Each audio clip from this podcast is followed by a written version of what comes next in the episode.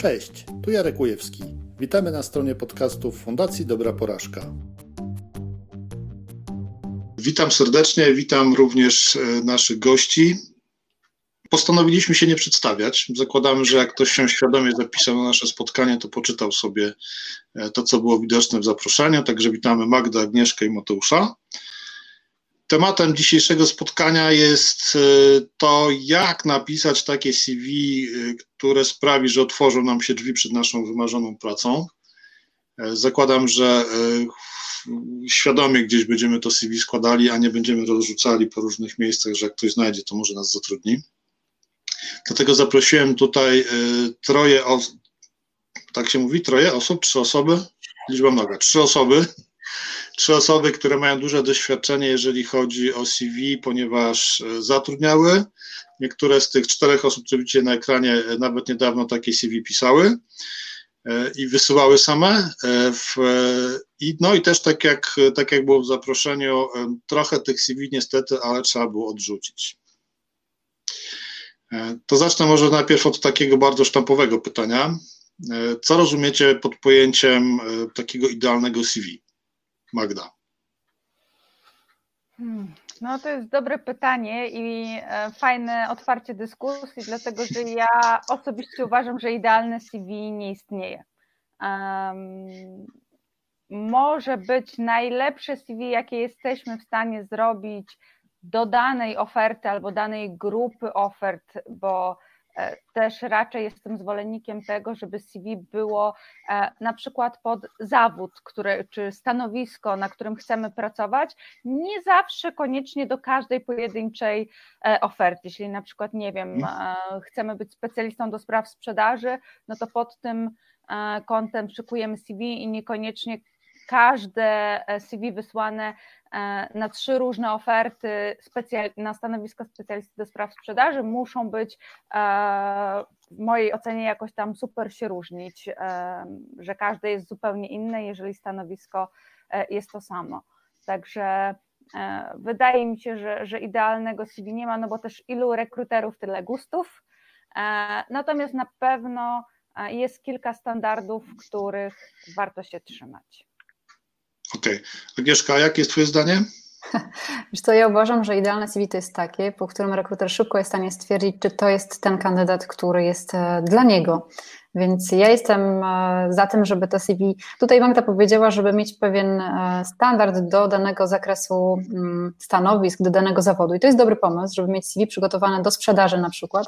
Natomiast ja i tak jestem za tym, żeby je trochę za każdym razem przejrzeć, żeby zobaczyć, czego ten rekruter oczekiwał od nas i żebyśmy sprawdzili, czy to CV faktycznie nasze posiada te informacje. Więc żeby za każdym razem e, spojrzeć i zobaczyć, czy to jest to, na co rekruter czeka. Bo dla mnie idealne CV to jest takie, które da rekruterowi odpowiedź że ja jestem tym kandydatem, na którego on czeka. Super. Gorzej, jeśli nie jestem, to jest inny temat. Gorzej, jeśli takim kandydatem nie jestem. Jest to też temat, czy, czy powinniśmy wysłać CV, kiedy widzimy, że w ogóle nie odpowiadamy e, na oczekiwania rekrutera. Mateusz, a dla Ciebie co to znaczy dobre CV? O, to jest lepsze. Dobre CV, e, bo zgodzę się z Magdą. Idealne może być e, ciężko stworzyć, ale dobre CV przede wszystkim jest odpowiadające na ofertę, e, schludne, zwięzłe e, i, i tyle. Okej. Okay. E, tutaj pojawiło się pytanie na, na czacie. Jak ktoś ma ochotę, to po prawej stronie, tam gdzie nas oglądacie, jest możliwość zadania pytań. Wojte Spacja K zadał takie pytanie, jak to jest z tymi CV, a propos schludnego CV, także Mateusz najpierw do Ciebie. E, czy warto korzystać z kreatorów? Czy polecasz e, jakieś miejsce, gdzie można jakieś wzorce znaleźć? Czy jednak zatrudnić kogoś do wsparcia w tym? E, wiesz co, standardowa odpowiedź to zależy, bo ile kreatorów, tyle jest wersji tak naprawdę. Jednakże uważam, że najlepiej zawsze jest korzystać z usługi specjalisty, kogoś, kto zajmuje się pisaniem, e, tworzeniem CV. E, dlaczego? Kreator zawsze będzie tworzył to samo, czy wizualnie, czy treściowo, jeżeli chodzi o układ na, na, na, na CV. A moim zdaniem CV zawsze powinno być dopasowane do danej oferty. być może nie zawsze totalnie je zmieniać, ale do, do, powinno być dopasowane do e, konkretnej oferty. Także kreator tak, jeżeli jest dobry, ale ciężko na to odpowiedzieć, czy dany kreator jest dobry. Agnieszka, wyście niedawno robili w mhm. taką akcję, że zaoferowaliście się, żeby przeżyć iluś tam osobom CV. Mhm. I powiedz, jak to, jak, jak te CV w ogóle wyglądały właśnie od strony układu, od strony treści, tak ogólnie oczywiście. Czy to wszystko widać było, że to są już jakieś szablony, jakieś wzorce, czy jednak jakaś mhm. taka bardziej radosna twórczość? Wiesz co, właśnie chciałam, jak kończył Mateusz mój, to chciałam się zgłosić, że teraz y, ja, y, jeżeli chodzi Czułem te prądy, wiesz? Czuła się, jak bardzo mi zależy, żeby to powiedzieć. Więc ja nie mogę odpuścić tematu kreatora mm, CV, dlatego że jesteśmy w trakcie tworzenia takiego kreatora, a w zasadzie jesteśmy na samym finiszu tworzenia kreatora CV, który ma być zupełnie inny niż te wszystkie, które są dostępne, bo ma radzić kandydatowi i ma go przeprowadzać trochę za rękę. A dwie rzeczy sobie pomyślałam, jak mówi Mateusz. Pierwsza, y, bardzo błaha, że nie każdego stać. Nie każdego stać na to, żeby skorzystać z porady eksperta, osoby, która napisze CV od początku, e, bo to jest usługa, która po prostu kosztuje i w sytuacji, kiedy nie mamy pracy, no to czasem tych pieniędzy po prostu nie ma, więc e, są różne kreatory. Ja jestem e, przeciwniczką kreatorów, które odciągają uwagę od treści. I to, co ja zauważyłam podczas tej naszej analizy CV, że bardzo wiele osób próbuje się wyróżnić, próbuje się wyróżnić na tle innych kandydatów, ale to nie jest e, ten pomysł na wyróżnienie się, który, mm, no właśnie, który daje szansę na zaproszenie na rozmowę rekrutacyjną. Czyli nagle w tym CV jest tak dużo kolorów, tak dużo e, informacji takich, e, które, nawet nie informacji, a takich szczegółów, które odciągają uwagę, czyli masz na przykład podkreślenia, pogrubienia, e, kursywy, jakieś magiczne rzeczy tam wyskakują w ogóle, bardzo ciekawy jest efekt i zabieg 3D w CV, który, e, który też sprawia, że rekruter dostaje oczopląsło, jakie otwiera i to są na pewno złe e, szablony. Jeżeli ktoś wchodzi i widzi taki szablon, który jest przeładowany, to to znaczy, że to jest zły szablon i, i naprawdę trzeba wyjść, uciekać i, i w ogóle szukać czegoś innego. Ja jestem zwolenniczką zasady im prościej, tym lepiej naprawdę w CV rekruter musi mieć szansę dostać się do tych informacji.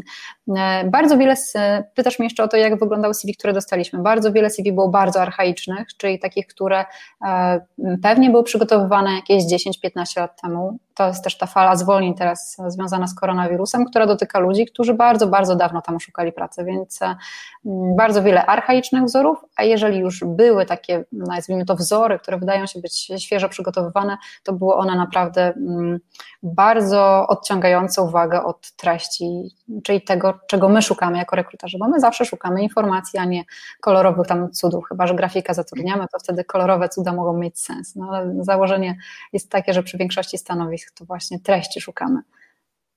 Super. Magda, a tak z Twojego doświadczenia, e, jak, jakie błędy, jakie rzeczy odrzucały Cię od, e, kandyda- od CV kandydatów? A co Cię przyciągało? Mm, to też bardzo zależy, no właśnie, e, od profilu, od stanowiska. I na przykład, jeżeli szukamy kogoś, czy szukamy osoby, na stanowisko, gdzie na przykład ważna jest um, umiejętność obsługi na przykład programu Office, tak, Worda, e, podstawowych programów.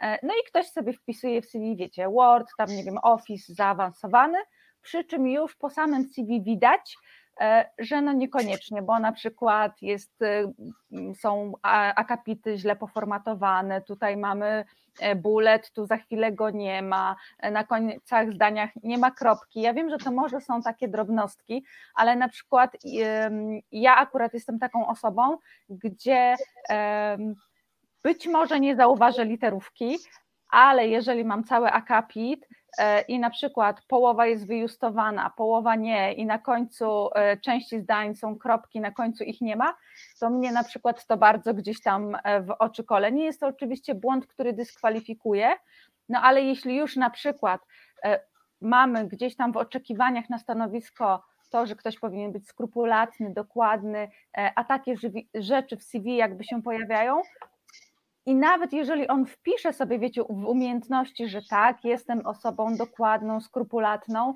ale mam właśnie takie niedociągnięcia w CV, no to rekruter ma prawo powątpiewać, czy rzeczywiście ta cecha u tej osoby e, występuje. To, co jeszcze może być taką rzeczą też mocno może nie dyskwalifikującą, ale rażącą, to też są zdjęcia. E, jeżeli nie mamy dobrego zdjęcia do CV, to moim zdaniem lepiej nie dawać go w ogóle. E, I mówiąc dobre zdjęcie, nie chodzi mi koniecznie o zdjęcie biznesowe. Nie musimy od razu iść, wiecie, na sesję, wydawać 200-300 zł na to, żeby takie zdjęcie sobie zrobić. Wystarczy zdjęcie takie, na którym wyglądamy schludnie, ładnie. E, też zdjęcie na przykład do dowodu osobistego niekoniecznie jest dobrym rozwiązaniem do CV, bo to są takie zdjęcia bardzo specyficzne.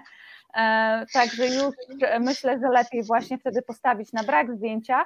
E, pomijam już też takie przypadki, jak na przykład zdjęcie na łące pod wodospadem, w wianku, bo i takie zdarzało mi się w CV widzieć. Okej, okay, tak się uśmiechnąłem przy tym dowodzie osobistym, bo e, obecnie te zdjęcia mają dosyć sporą specyfikę, takie wymagania e, formalne. W związku z tym, e, jak ja podaję swoje zdjęcie, to zawsze się oczekuje aż, znaczy dowód osobisty, to czekam na takie pytanie, kiedy pana wypuścili. I takie zdjęcia są. Jeszcze tutaj jest wam garść statystyk, e, bo jak przygotowywaliśmy analizę, to sobie policzyliśmy, ile osób dostało od nas informację, proszę zmień to zdjęcie. I wśród e, wszystkich CV, które dostaliśmy, 95% CV ma zdjęcia, 5% e, to są CV bez zdjęć, natomiast tych 95%, 50 parę procent ma zdjęcia do zmiany. To są zdjęcia, które tam nigdy nie powinny trafić, szczególnie jeżeli wyglądamy jak zabójca z dowodu. To nigdy nie jest dobry pomysł. E, I ja sobie kiedyś myślałam o tym, bo kandydaci często nas pytają, po co to jest takie ważne, że to zdjęcie ma być dobre. I ja mm, odpowiadam zawsze na to pytanie tak, że rekruter często nawet podświadomie przelewa te emocje, które widzi na zdjęciu. W nim też te emocje powodują kolejne emocje i one przelewają się dalej na odbiór całego CV. I to często jest nawet e, zupełnie niezależne od nas. Mhm. E, pamiętam jakąś taką historię, ja ją zresztą na szkoleniach e, wykorzystywałem, że pojawiło się zdjęcie, oczywiście ze Stanów Zjednoczonych, e, takiego chłopaka tam w wieku 20 paru lat, który trzymał wielką maskotkę Pikachu w ramionach i że wysłał to jako CV gdzieś tam do jakiejś firmy. No i oczywiście pierwsza rzecz to było, hej, jak można takie zdjęcie do tej firmy wysyłać. Natomiast okazało się, że rzeczony pan kandydował na sprzedawcę w sklepie z zabawkami. A myślałam, że do Nintendo. E, a tą historię, e, do tej historii sprowokowało mnie kolejne pytanie, które się tutaj pojawiło. E, no bo tak jak każdy będzie robił takie ładne, piękne, schludne CV, to tak naprawdę czym ci ludzie się będą wyróżniali w, po to, żeby zwrócić waszą uwagę. Mateusz, to do ciebie, do ciebie pytanie. No dobrze, tylko żeby to przeczytać, najpierw trzeba w ogóle, jak wiesz, jak masz dużo, no to pewnie jakiś pierwszy, pierwszą selekcję zrobić. Mateusz, czego ty szukasz w CV? Jak ty byś chciał, żeby ono wyglądało, żeby zwróciło Twoją uwagę w takim pozytywnym sensie? No, przede wszystkim musimy, sobie, musimy zwrócić uwagę na to, że jeżeli mamy bardzo dużą ilość CV, e, rekruter poświęca raptem 6-7 sekund na pierwszą preselekcję. E, I wtedy mm, czego szukamy? Słów kluczowych.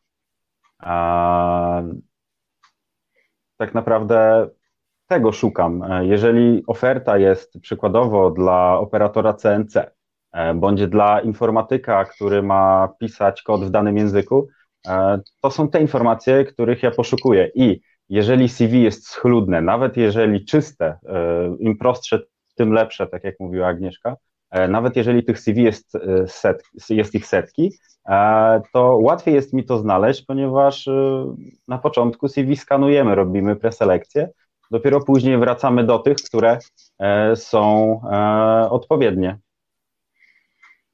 Okej. Okay. E, Magda? Pasowują się w ofertę. A? Mateusz, trochę nam uciekasz czasami, wiesz, tak. Halo? Tebe, tego będzie nam brakowało. Z tym nie mogę zrobić. Okej, okay, tego nam będzie brakowało, jak wrócimy do biur, tak sobie usiądziemy na spotkaniu. Słyszysz mnie? Słyszysz mnie? E, e, tak. Magda, czy to znaczy, że powinniśmy w CV jakieś takie hasztagi dawać albo pogrubiać pewne kompetencje, na które chcielibyśmy zwracać uwagę, czy na żółto je robić, czy... Znaczy, ja myślę, że to nie jest e, konieczne. E, wiadomo, że zazwyczaj w CV pojawia się jakaś taka sekcja kluczowe umiejętności e, czy, czy, czy coś takiego i tam możemy jakieś takie najważniejsze rzeczy dopasowane do oferty, o ile są oczywiście zgodne z prawdą, umieścić.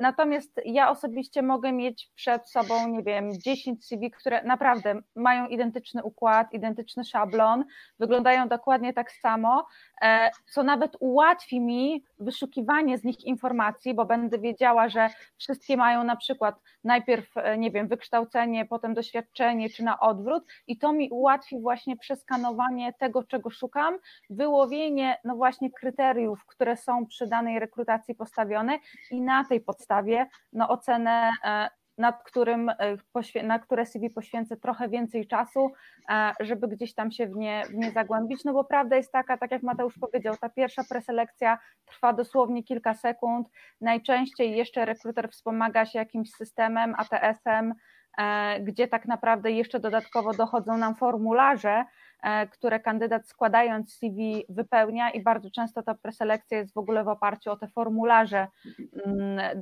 dokonywana, więc też taka mała podpowiedź, jeżeli wysyłacie CV e, i taki formularz się pojawia, to on nie pojawia się bez powodu. naprawdę warto go wypełnić, e, bo może się okazać, że nawet CV nie, jakby rekruter do CV nie dotrze, bo zostawiliście pusty formularz. Mhm. Agnieszka, czy ty widzisz jakąś inaczej, czy ty widzisz taką sytuację, że ludzie kandydujący na różne stanowiska do różnego rodzaju pracy, to te e, wzory CV, e, nawet taki kształt, sama forma, one powinny się jakoś różnić? Wiesz co, nie, nie widzę tego. Nie, nie, nie wydaje mi się w ogóle, żeby wzór CV był czymś istotnym, na czym powinniśmy się skupić, jeżeli skupimy się na tym, żeby mm, rekruter miał łatwość dotarcia do informacji. Jak mam do wyboru takie CV, które jest mocno przeładowane mm, kolorami i różnymi cudami, a mam obok nawet proste spisane w tabelce Excela te rzeczy, które mnie interesują, to ja wolę tą tabelkę Excela jako rekruter, bo mam szansę szybko dojść, a, a kandydat okay. często tak bardzo skupia się na wzorze. Powiem Ci jeszcze o jednej rzeczy, którą, e, którą my zrobiliśmy i stwierdziliśmy, że to jest to, czego szukają rekruterzy to jak wysyłamy e, aplikację swoją, to nasi kandydaci często mają taką, taki początek CV inny niż standard, czyli wypisują tam wymagania, które są w ofercie, czyli na przykład rekruter oczekuje 3 lata doświadczenia w dziale sprzedaży, zaawansowany język angielski, prawo jazdy i ja proszę moich kandydatów, żeby się do tego odnieśli, żeby napisali na przykład 5 lat doświadczenia sprzedaży takiej takiej firmy, takiej takie stanowiska, bo czasem jest tak, bo rekruterzy nie są tylko świetni, sytuacje, ja, ja znam wiele historii od strony kandydatów, gdzie, mm, gdzie powątpiewam świetność rekruterów, są świetni, są naprawdę genialni i są tacy, którzy nie do końca przykładają się do swojej pracy, a kandydat musi być przygotowany na każdą z tych opcji, więc ja proszę kandydata, żeby on odniósł się do tych e, wymagań, żeby rekruter szybko znalazł to, czego szuka, bo czasem mamy doradcę klienta, który tak naprawdę sprzedawał, ale nie ma tej informacji jasno napisanej i rekruter odrzuca go, bo stwierdza, to nie jest sprzedawca. Nie szukam mhm. takiego kandydata, nie szukam doradcy, więc e, stąd ten nasz wybieg, żeby przed samym CV dać odniesienie się do wymagań oferty. To bardzo ułatwia pracę rekruterowi, a też nie zawsze rekruter jest ekspertem w branży, w stanowisku, na które rekrutuje niestety. Mhm. Słuchajcie, ja też korzystam do, do tych, co nas słuchają i oglądają, korzystam też e, z jakichś 80 pytań, które dostaliśmy przy rejestracji, poza tym, co tutaj się pojawia. Tam jest takie pytanie, czy będziemy dostępny, czy film będzie dostępny potem na YouTubie, więc możemy na niego, na to pytanie od razu odpowiedzieć, że film Od, będzie. Odpo tak, odpowiedziałem na to pytanie. A, e, słuchajcie, przejdziemy trochę w taką sekcję, którą e, z racji tego, że fundacja, którą prowadzę, nazywa się Dobra Porażka, to bardzo lubię. I tu jest na przykład pytanie od Wojciecha Kruścickiego, e, jakie informacje są najbardziej nieistotne w CV, a które, się, są, bardzo, które są bardzo często e, podawane, czego w CV nie pisać? Magda, zacznijmy od Ciebie. Um, no na tyle CV uh, ładnych, parę setek przejrzanych, słuchajcie, um, wydawałoby się, że to takie jasne, że, że nie podajemy takich informacji, jednak bardzo często pojawia się na przykład stan cywilny.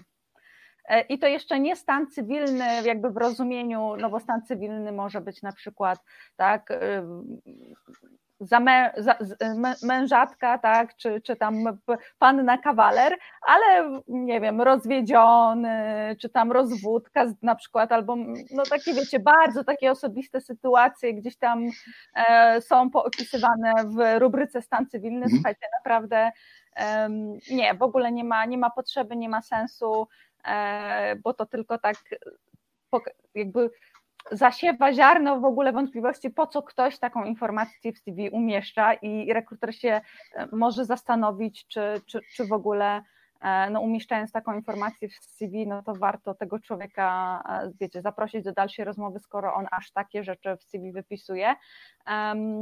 Wzrost, czasami e, też zdarzyło mi się e, zobaczyć gdzieś w CV.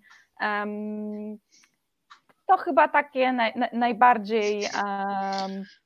Czy to był imponujący wzrost? Nie, raczej, raczej przeciętny, ale też taki, że zapadło mi w pamięć, że e, skąd kurczę pomysł na to, żeby to umieszczyć, bo to, że ktoś podaje wiek, mimo że nie ma takiej potrzeby, no to jeszcze gdzieś tam jestem w stanie zrozumieć, że um, no to może być taka informacja na przykład mówiąca o tym, jak ta osoba na tle zespołu pokoleniowo po prostu, jak będzie dopasowana, ale to też, mhm. słuchajcie, rekruterzy są tak wprawni w wyliczaniu wieku, na przykład w oparciu o datę ukończenia liceum, że naprawdę okay. umieją dodawać, odejmować. Słuchajcie, tak. może to, było, może to było CV z tym wzrostem do jakiegoś magazynu wysokiego składowania, dlatego ktoś uznał, że warto. E, Mateusz, na co ty zwróciłeś uwagę z rzeczy, które nie powinny się pojawiać, jeżeli chodzi o informacje w CV? E, no to przede wszystkim e, mało istotne są takie rzeczy jak wykształcenie typu podstawówka, liceum e, dla osób, które się starają. No oczywiście to wszystko zależy, ale wykształcenie podstawowe jest zbędne, licealne często też. Prace w ogóle niezwiązane z ofertą to jest wręcz zaśmiecanie swojego CV. Zbyt obszerne rozpisywanie się o własnym hobby też bardzo często spotykałem się z czymś takim. Jest to zbędne po prostu i nie zachęca. I tak jak mówiłem, jest to zaśmiecanie. I ja bym chyba właśnie skupił się na tym, żeby nie zaśmiecać. Okay. Agnieszka, a jeżeli jest taka sytuacja, że ktoś na przykład wcześniej był, nie wiem, barmanem w jakiejś knajpie, potem przeszedł intensywny roczny kurs programowania i kandyduje na programistę, to powinien pisać o tych swoich wcześniejszych doświadczeniach, czy już niekoniecznie? A ja już to liczyłam, że będę miała szansę powiedzieć, co jest zbędne w. E, ale powiem za chwilę. Wiesz co, mm, to jest trudna sytuacja. Pytanie, kiedy on był tym barmanem? Czy on był tym barmanem przez wakacje i to były na przykład jego wakacje co roku, kiedy był barmanem? Czy on był tym barmanem i jakieś e, plusy z tego stanowiska się mm, zrodziły? Bo ja zawsze sobie zadaję pytanie, po co jest ta informacja rekruterowi? Czy on z tej informacji może coś ciekawego wyciągnąć? Jeżeli on był najlepszym barmanem w mieście i robił taki ruch, że wszyscy przychodzili do tego baru, no to zobacz, to to jest ciekawa informacja teraz. E, a jeżeli on był barmanem e, i w zasadzie to się tego wstydzi bardzo i nie chce, żeby ktokolwiek o to przy rozmowie rekrutacyjnej zapyta, bo nie będzie wiedział, jak to uargumentować, no to może wtedy warto się zastanowić. Na pewno też kolejnym elementem jest to, czy dziura powstanie po tym. Jaka to będzie dziura i jak on tą dziurę dalej umotywuje, bo czasem większym problemem będzie dziura, która nam zostanie po tym mhm. barmanie, na przykład dwuletnia, niż ten barman. Zresztą ja myślę sobie, że, że zawsze wszystko można fajnie uargumentować, z każdego doświadczenia można wyciągnąć ciekawe informacye, na przykład można wyciągnąć informacje, jak zwiększyć zwiększyła się liczba klientów, którzy zaczęli ten bar odwiedzać, albo jak wzrosła liczba gwiazdek na, na Google'ach e, tego baru. Więc ja byłem tam dwa lata, wcześniej była kicha, a teraz jest świetnie, więc jakby myślę sobie, że, że zawsze warto się zastanowić po co i co ma to dać rekruterowi i to jest to, co powinno nas naprowadzić, ale teraz powiem jeszcze, to jest zbędne w CV, bo zauważam, że bardzo wielu kandydatów e, najbardziej przesadza w danych personalnych. To jest taka sekcja, która jest bardzo przeładowana. Magda tutaj fajnie powiedziała o kandydatach, którzy zamieszczają tam informacje chociażby związane ze swoimi e, przebojami w życiu prywatnym. Mhm. Natomiast ja jestem zwolenniczką tego, żeby w CV w tej części zostawić tylko imię, nazwisko, i kontakt, i to jest naprawdę wystarczające. Chyba, że zakładamy, że cały adres rekruterowi, cały adres zamieszkania, czyli dokładnie klatka i twoje drzwi do mieszkania są potrzebne rekruterowi, bo on sprawdzi, czy masz czyste okna i potem sobie zweryfikuje, czy ta solidność i perfekcjonizm jest w CV, zgadza się, czy się nie zgadza. Rekruterzy tego nie robią, więc spokojnie te wszystkie rzeczy można wyrzucić. Tak samo jak data urodzenia, ona też jest spokojnie do usunięcia i, i w zasadzie te dane personalne są najbardziej przeładowane. Ale odniosę się jeszcze do Mateusza. Ja y, nie jestem zwolenniczką pisania prostych rzeczy w e, zainteresowaniach, bo bardzo dużo CV, które do nas trafia, mają muzyka, kino, książka. I w zasadzie takie zainteresowania można całkowicie usunąć, bo zainteresowania są po to, żeby nas tak, też zgadzam się z tym kandydatem, więc jeżeli ktoś na przykład opisze swoje zainteresowania na takiej zasadzie, że wpisze e, uwielbiam podróżować z małą walizką, zwiedziłem tak pół świata, to dla mnie to jest ciekawsze niż informacja podróże.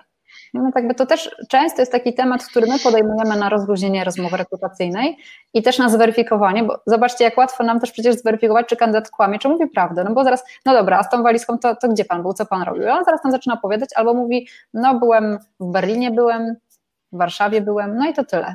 Jakby od razu wiemy po tym, że reszta informacji, które z CV też jest, no właśnie, czy jest wiarygodna, czy nie jest wiarygodna. Już troszeczkę mniej wiarygodna niż była przed informacją, że był w Berlinie i w Warszawie. Musiałam, mhm. przepraszam. Spokojnie. E, słuchajcie, temat, temat dziur w CV, który Agnieszka, ty wywołałaś także jest na ciebie. No. E, pojawia się i w tych pytaniach, które dostaliśmy przy rejestracji, też tutaj jedno z pytań, które wy widzicie. Ja przeczytam to, co jest w rejestracji. Jak przygotować CV z luką zawodową dla osoby 45+. Czyli co, co generalnie z tymi lukami? Jak wy podchodzicie do tego, jak wasze koleżanki, wasi koledzy do tego podchodzą? Mateusz. E, kilkumiesięczna luka to mm, tak naprawdę dla mnie to jest niezauważalna luka, bo to można nawet powiedzieć, że chciało się odpocząć od poprzedniej pracy przed podjęciem kolejnej. E, jednakże luka kilkuletnia e, zawsze daje do myślenia. E, dość często spotykałem się z tym, że taka, przy takiej luce, pytając się kandydata, co się działo, od, padała odpowiedź u kobiet. To było dziecko, co jest całkowicie zrozumiałe i uważam, że warto wpisać właśnie podczas tej luki, w tej luce, że to było wychowanie dziecka, a u mężczyzn zdarzało się, że to było po prostu więzienie. E, I to chyba takiej informacji bym nie udzielał mm, na, pierwszym, na pierwszej rozmowie. E, a jak przygotować? Z każdej luki, z każdego naszego działania można wyciągnąć to, co Agnieszka wcześniej wspominała, coś pozytywnego. Odnosząc się tutaj do rodzicielstwa, jeżeli to była przerwa na wychowanie dziecka, nie ukrywajmy, projekt dziecko to jest potężny projekt, trzeba zarządzać idealnie czasem, e, idealnie finansami e, i jak najbardziej można to wpisać, e, a przynajmniej wspomnieć, jeżeli padnie takie pytanie na rozmowie. Magda, jak ty to widzisz? Mm, bardzo podobnie. Nie, nie, nie mam chyba do dodania nic, bo, bo rzeczywiście, poza tym, żeby, że rzeczywiście rekruterzy zwracają uwagę. To znaczy, jak luka się pojawia, to zawsze jest z tyłu głowy, a co się działo. Więc zwłaszcza jeżeli to jest rzeczywiście du, du, duży, um, długi czas, no to warto nawet w tym CV no właśnie zaznaczyć, no może rzeczywiście z wyjątkiem więzienia. E, natomiast e, no, no, bądźmy pewni, że rekruter będzie się zastanawiał, co się z nami wtedy działo. E, I jeżeli będzie miał do wyboru kogoś o podobnym doświadczeniu, podobnych kompetencjach wedle oceny CV, no to to może gdzieś tam nas w pewnym momencie zdyskwalifikować, e, więc warto właśnie napomknąć, że nie wiem, byłem właśnie w podróży, tak, zwiedzałem, coś tam wyniosłem, czy, czy właśnie macierzyńskie. Ja się często spotykam z tym, że, że dziewczyny mają problem z tym, żeby właśnie wpisać, że wychowywały dzieci, a dokładnie tak jak Mateusz powiedział, no to jest mega doświadczenie, e, ale też w drugą stronę widziałam właśnie CV, gdzie dumna mama właśnie pisze otwarcie e, i wymienia nawet e, w podpunktach umiejętności, które dzięki temu czasowi jakby nabyła, czego się nauczyła, czego doświadczyła, więc też uważam, że to jest dużo, dużo fajniejsze niż właśnie ukrywanie i zostawianie tej pustej przestrzeni. Mieszka, coś jeszcze dodasz? Wiesz co, tutaj i Mateusz i Magda powiedzieli bardzo fajne rzeczy. Y, dodałabym tylko jedną rzecz, że jeżeli mamy taką sytuację, że nie mamy pracy, zaczynamy się martwić tym, że jej nie mamy miesiąc i, i ta luka zaczyna nam się robić, to czasem dobrym rozwiązaniem jest zapisanie się na przykład na jakiś kurs online, na jakieś szkolenie, na jakiś, na, na jakiś element, który nam to wypełni, bo potem rekruter zapyta, no dobrze, no tutaj widzę cztery miesiące przerwy, co się wtedy działo? I my wtedy możemy powiedzieć, robiłam kurs księgowości na przykład, bo chciałam właśnie wejść do tej branży i tutaj jestem teraz na takim, a nie innej rekrutacji, więc to się wiąże. Fajnie jest pomyśleć, jak moglibyśmy przez ten czas swoje doświadczenie zawodowe wzbogacić, żeby dostać tę pracę szybciej, więc to też jest jak, jakieś rozwiązanie na, na takie pojawiające się dziury, ale jak najbardziej e, warto też szczerze podejść do tego w CV. Często kobiety pytają mnie, czy, czy wpisywać urlop wychowawczy. Fajnie wpisany urlop wychowawczy zawsze będzie atutem dla dobrych pracodawców, a z niedobrymi nie warto współpracować. A co to znaczy fajnie wpisany urlop wychowawczy? No właśnie, można to jakoś trochę podkręcić. Można napisać e, urlop wychowawczy i na przykład podać jakieś kompetencje, które udało się w tym okresie zdobyć. E, albo na przykład na co, bo to jest też tak, że poza urlopem wychowawczym może właśnie braliśmy udział w fajnych szkoleniach albo w ciekawych kursach, albo na przykład doszkalaliśmy się e, poszerzając swoją wiedzę z zakresu, nie wiem, no właśnie, jakiejś nie wiem, księgowości czy, czy sprzedaży, więc to też okres e, wychowawczy to jest czas, w którym jednak nie, nie mamy, okej, okay, mhm. projekt dziecko jest duży, ja, ja już wiem, jak duży jest projekt dziecko, bardzo dobrze, natomiast zawsze jest ta chwila czasu, którą można poświęcić na coś jeszcze innego poza projektem dziecko. I to warto tak. dodać tak się uśmiechnąłem, jak o tych kompetencjach powiedziałaś. E, tak wyobraziłem sobie, że jedną z nich może być e, spanie dwie godziny dziennie. Tak, to e, Przy projekcie dziecko. Z listy pytań, które tutaj mam, pojawiło się pytanie o długość CV. Pytanie jest takie, czy prawdą jest, iż idealne CV powinno obejmować jedną stronę? A ja może trochę rozszerzę. Ile stron powinno mieć CV? Magda. Um, Znowu zależy. Ja się nie zgadzam z tym, że tylko CV na jedną stronę, że takie są najlepsze. Jeżeli jesteśmy w stanie. Ja wiem, czemu ty się nie zgadzasz, bo kto potem będzie tą drobną czcionkę czytał? na przykład. Nie, może dlatego, że sama mam CV na cztery. Więc e, jakby zdajesz sobie sprawę z tego, że zwłaszcza u osób, które mają bogate doświadczenie, które, no właśnie, mówimy, podkręćmy jakoś, że nie wiem, czas wychowania dziecka, uwzględnimy te kursy, to wszystko zajmuje miejsce. No nie ma szans ściśnięcia tego na jednej. E, więc nie wiem, chcemy dodać właśnie jakąś, jakieś osiągnięcie tutaj, może jakiś projekt gdzieś robiony pobocznie, bo e, no ma to e, znaczenie dla jakby stanowiska, o które się będziemy ubiegać, no uważamy, że podniesie to nasze szanse, właśnie wyróżni nas na tle innych, więc tak, zawrzyjmy to i, i nie musimy się koniecznie ściskać na, na jednej stronie, natomiast no wiadomo, że żadne skrajności, tak? Mhm. tak jak mówił Mateusz, nie zaśmiecajmy, e, zawierajmy to, co jest ważne, no ale jeżeli rzeczywiście mamy tych ważnych rzeczy więcej, e, to i do czterech stron wydaje mi się ok. Słuchajcie, rekord z mojego doświadczenia 22 strony.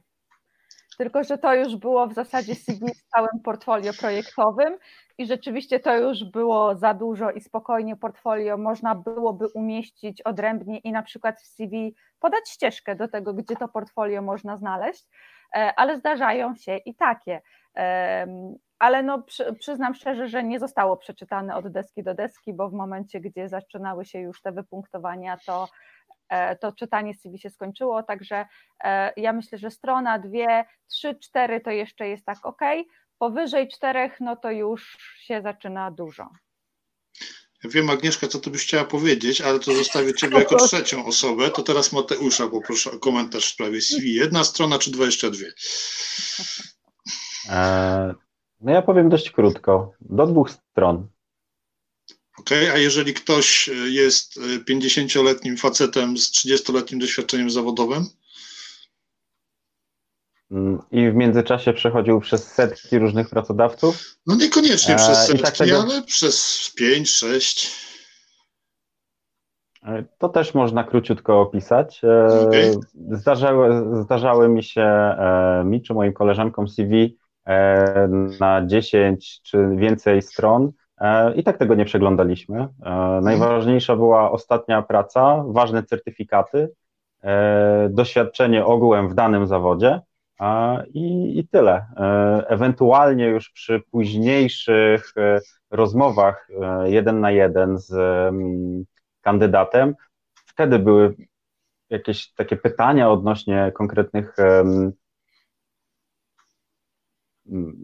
konkretnych e, dat, które tam e, zamieszczał, czy, czy informacji, które zamieszczał w ogóle w CV, ale tak, niestety nie ma na to czasu, po prostu.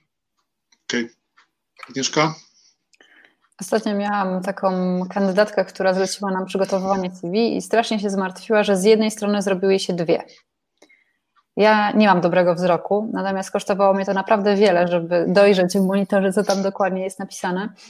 I to jest ten problem, bo czasem mam wrażenie, że jest dużo takich e, doradców, którzy mm, trochę bez, może bezmyślnie, no w zasadzie bezmyślnie, e, przekazują informacje kandydatom, jak robić, żeby było dobrze. Ci kandydaci potem tak mocno trzymają się tej informacji, no właśnie, CV ma być na jedną stronę, że oni potem siedzą i zmniejszają, co się tylko da, więc interlinia jest na jeden, czcionka jest na ósemce i, i potem jeszcze są oczywiście dwie kolumny, żeby żadna, żaden centymetr na tej stronie się nie zmarnował. I potem jak ten kandydat widzi to z CV rozciągnięte na dwie strony, zmienione, ma nagle taką obawę, ale jak oni to przeczytają, jak są aż dwie strony. Więc ja akurat, jeżeli chodzi o tutaj Magdę i Mateusza jestem po środku. Uważam, że CV do trzech stron e, to jest taka, większość CV, które widziałam, da się zmieścić na dwóch stronach.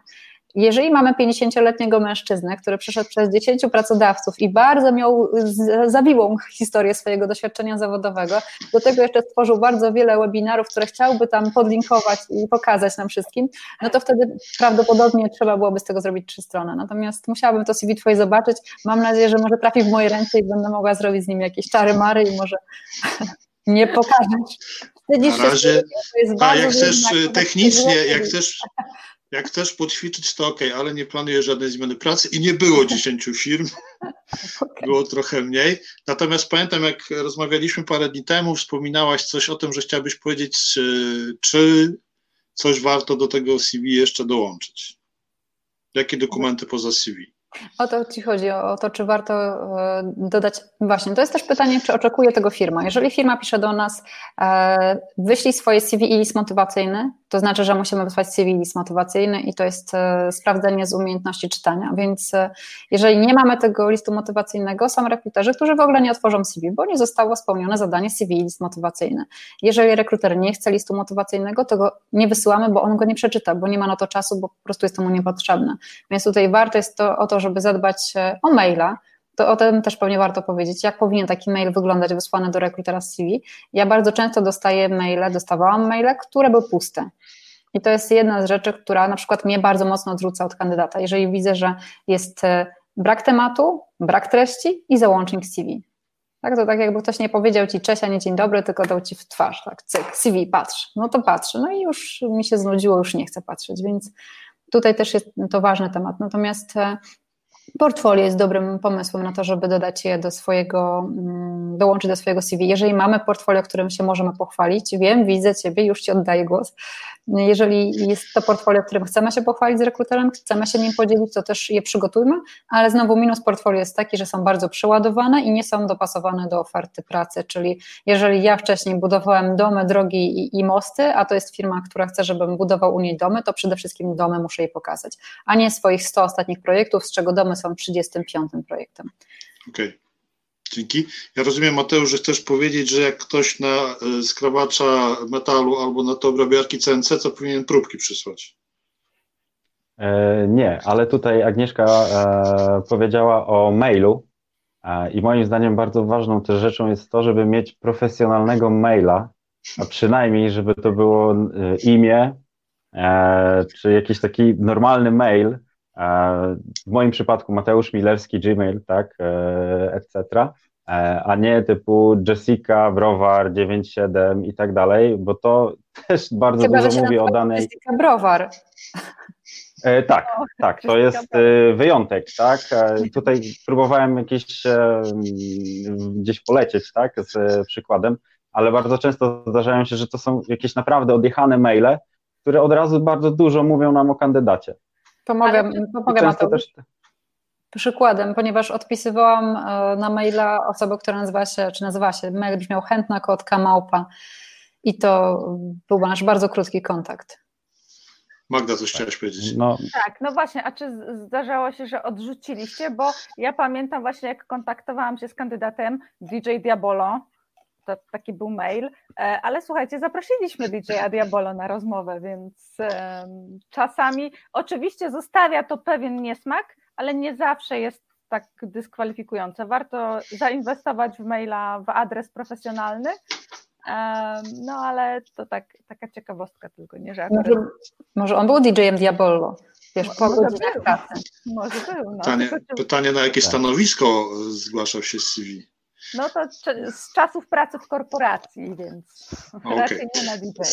Słuchajcie, y, mówiliśmy o CV osób, które mają duże doświadczenie, a teraz mam pytanie tutaj y, z rejestracji mm, i mi uciekło. Jak, jak dobrze napisać CV w przypadku niewielkiego doświadczenia zawodowego, początki na rynku pracy?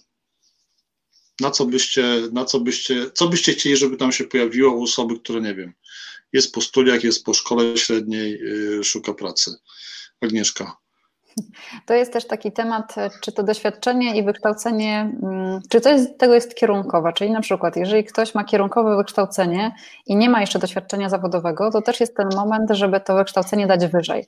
Często kandydaci pytają, co ma być pierwsze, czy wykształcenie, czy doświadczenie. Więc ja zawsze mówię, że jeżeli to wykształcenie jest naszym jedynym atutem, no to oczywiście ono musi być pierwsze. Jeżeli mamy doświadczenie w na przykład, chcemy być rekruterem, mamy skończoną psychologię, organizacji zarządzania, a przez ostatnie pięć lat pracowaliśmy w restauracjach i bawiliśmy dzieci. No to wiadomo, że najpierw dajemy to nasze wykształcenie, żeby rekrutera zaciekawić. E, ważne jest, żeby jeszcze zobaczyć, czy są jakieś rzeczy z naszego zakresu obowiązków dotychczasowego, które mogą być spójne z tym zakresem, który jest w nowej pracy, bo być może są rzeczy, które warto napisać, na przykład kontakt z klientem. Tak? Ciągle może być bliski, kontaktowy klientem, chociaż branża jest zupełnie inna. Więc tutaj na to stawiałabym duży nacisk.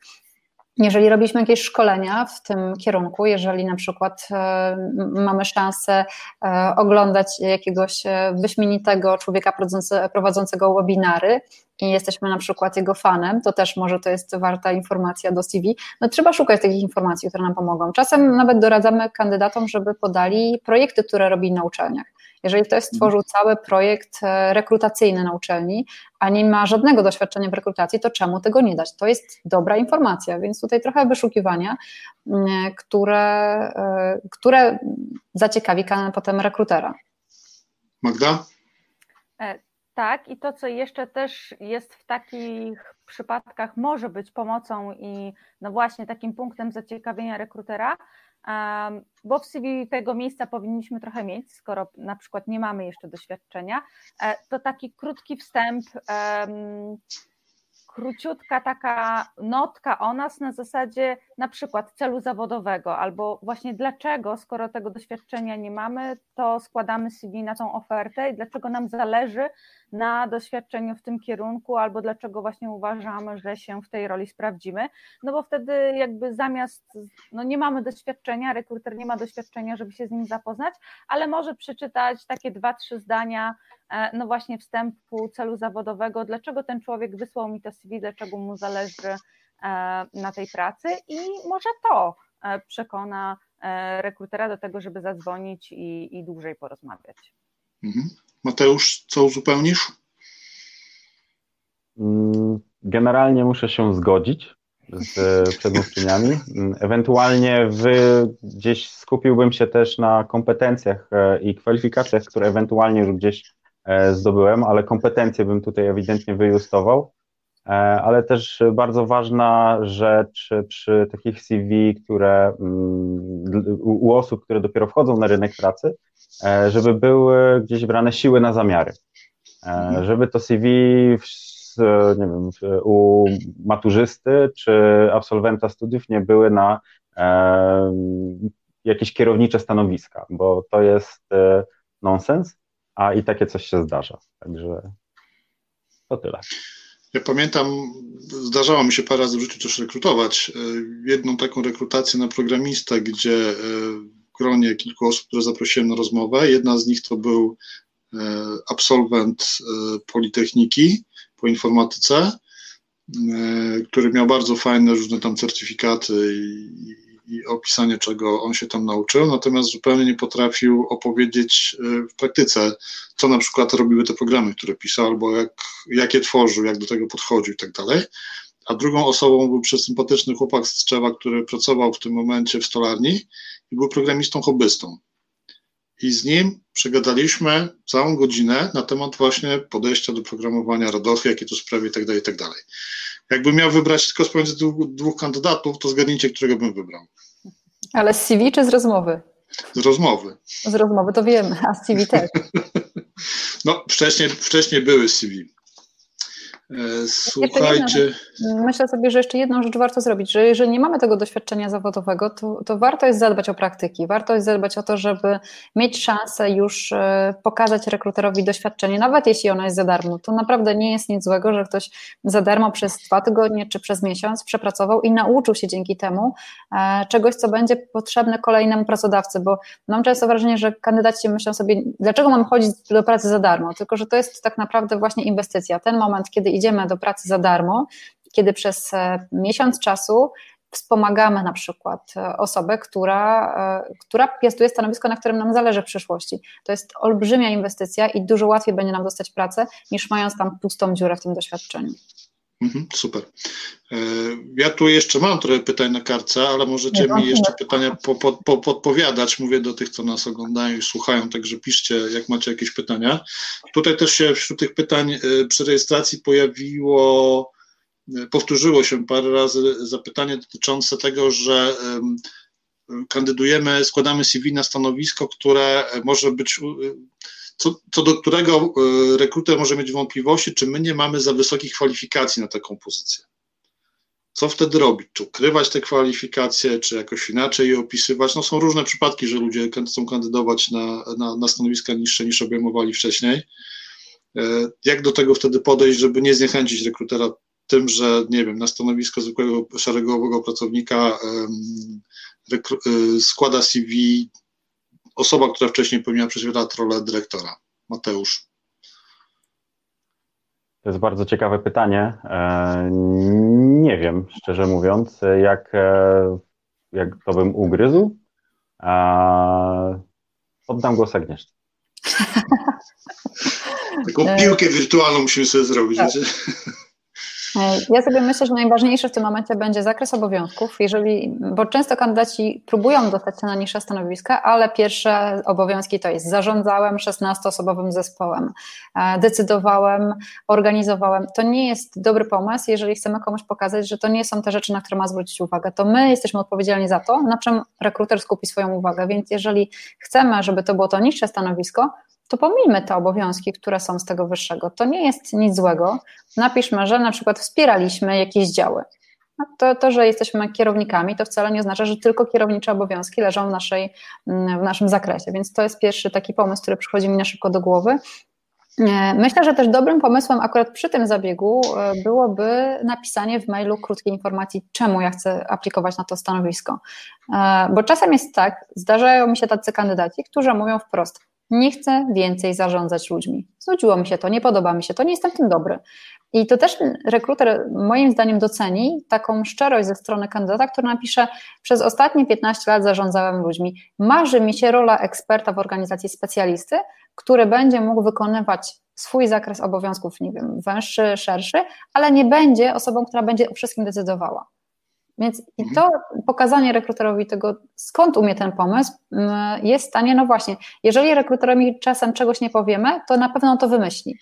Bo rekruterzy mają taką piękną umiejętność wymyślania, dlaczego kandydat coś zrobił, dlaczego się na to zdecydował, dlaczego, co to znaczy ten zapis, który nie wiemy, co znaczy, więc jeżeli nie damy komuś na talerzu dokładnej informacji, to musimy być pewni, że ta informacja z jego głowie jakaś się pojawi, niekoniecznie korzystna dla nas. Magda, to ja Ci utrudnię trochę y, sprawę, bo zdarza mi się spotykać z takimi sytuacjami, że